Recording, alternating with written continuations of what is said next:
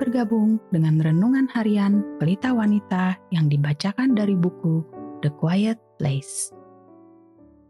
Bacaan Alkitab hari ini diambil dari Filipi 2 ayat 1 sampai dengan 11. Jadi, karena dalam Kristus ada nasihat, ada penghiburan kasih, ada persekutuan roh, ada kasih mesra dan belas kasihan, karena itu, sempurnakanlah sukacitaku dengan ini.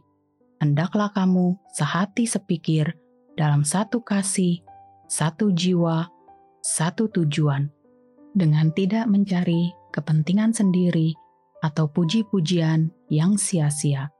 Sebaliknya, hendaklah dengan rendah hati yang seorang menganggap yang lain lebih utama daripada dirinya sendiri.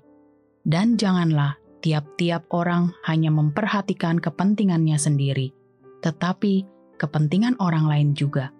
Hendaklah kamu dalam hidupmu bersama menaruh pikiran dan perasaan yang terdapat juga dalam Kristus Yesus, yang walaupun dalam rupa Allah tidak menganggap kesetaraan dengan Allah itu sebagai milik yang harus dipertahankan, melainkan telah mengosongkan dirinya sendiri dan mengambil rupa seorang hamba dan menjadi sama dengan manusia.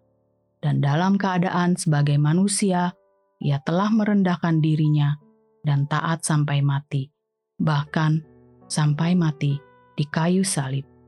Itulah sebabnya Allah sangat meninggikan dia dan mengaruniakan kepadanya nama di atas segala nama, supaya dalam nama Yesus bertekuk lutut segala yang ada di langit dan yang ada di atas bumi, dan yang ada di bawah bumi, dan segala lidah mengaku Yesus Kristus adalah Tuhan, bagi kemuliaan Allah Bapa.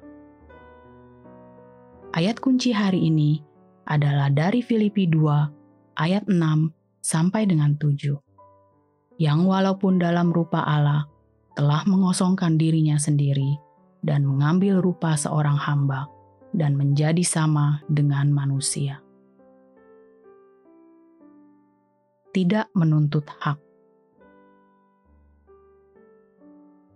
Anda layak mendapatkannya. Anda sering mendengar slogan ini di kebanyakan reklame dari coklat dan pakaian sampai paket spa dan liburan. Orang tua menyoraki tim anak-anak mereka saat pertandingan bola. Kakak adik bertengkar memperebutkan wilayah kekuasaan mereka di rumah. Para pengemudi mobil berteriak dan saling menunjuk, sering kali melampiaskan objek kemarahan mereka di jalan raya. Itu terjadi pada saya. Pola pikir ini sudah mendarah daging di dalam pikiran kita. Pola pikir bahwa saya berhak menuntut hak saya, sehingga membuat kita lupa untuk berhenti sejenak dan melihat bahwa pola pikir tersebut bertentangan dengan roh Kristus. Saya teringat suatu pagi hari ketika hati saya sedang gelisah dan kesal, bersikeras menuntut hak dan cara saya. Pesan dari Warren Swirsby yang saya dengar melalui siaran radio menegur hati saya. Pesannya menusuk hati dan meyakinkan saya untuk merendahkan diri, turun dari kekuasaan kita seperti yang Kristus lakukan dan melihat diri kita sebagai hamba. Lalu saya menuliskan catatan berikut ini di dalam jurnal saya. Saya telah berpikir dan bertindak sebagai seorang yang berkuasa, yang hak dan caranya harus didahulukan, dan jikalau tidak, penggalah kepalamu.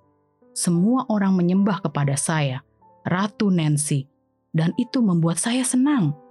Ketika saya merasa hak dan harapan saya dilanggar, dan tidak dipenuhi, saya menjadi marah, kesal, dan tidak bisa dibujuk oleh siapa pun juga. Ampunilah saya, ya Tuhan. Engkau datang dengan sehelai kain lenan dan lutut yang bertelut melayani ciptaanmu. Oleh sebab itu, Engkau juga memanggilku untuk mencintai dan melayani sesamaku. Dengan memandang kembali kepada Kristus, kita melihat inti dari Injil – bahwa dia merendahkan dirinya sendiri, mengambil rupa seorang hamba, dan menyerahkan dirinya untuk kita.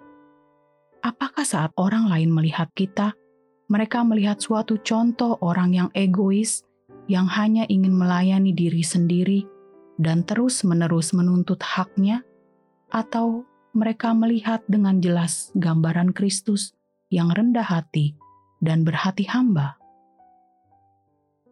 Sebagai penutup, mari kita renungkan pertanyaan ini dalam hal praktis apakah Anda bisa mengambil sehelai kain lenan hari ini dan melayani orang lain sebagaimana Kristus telah melayani Anda?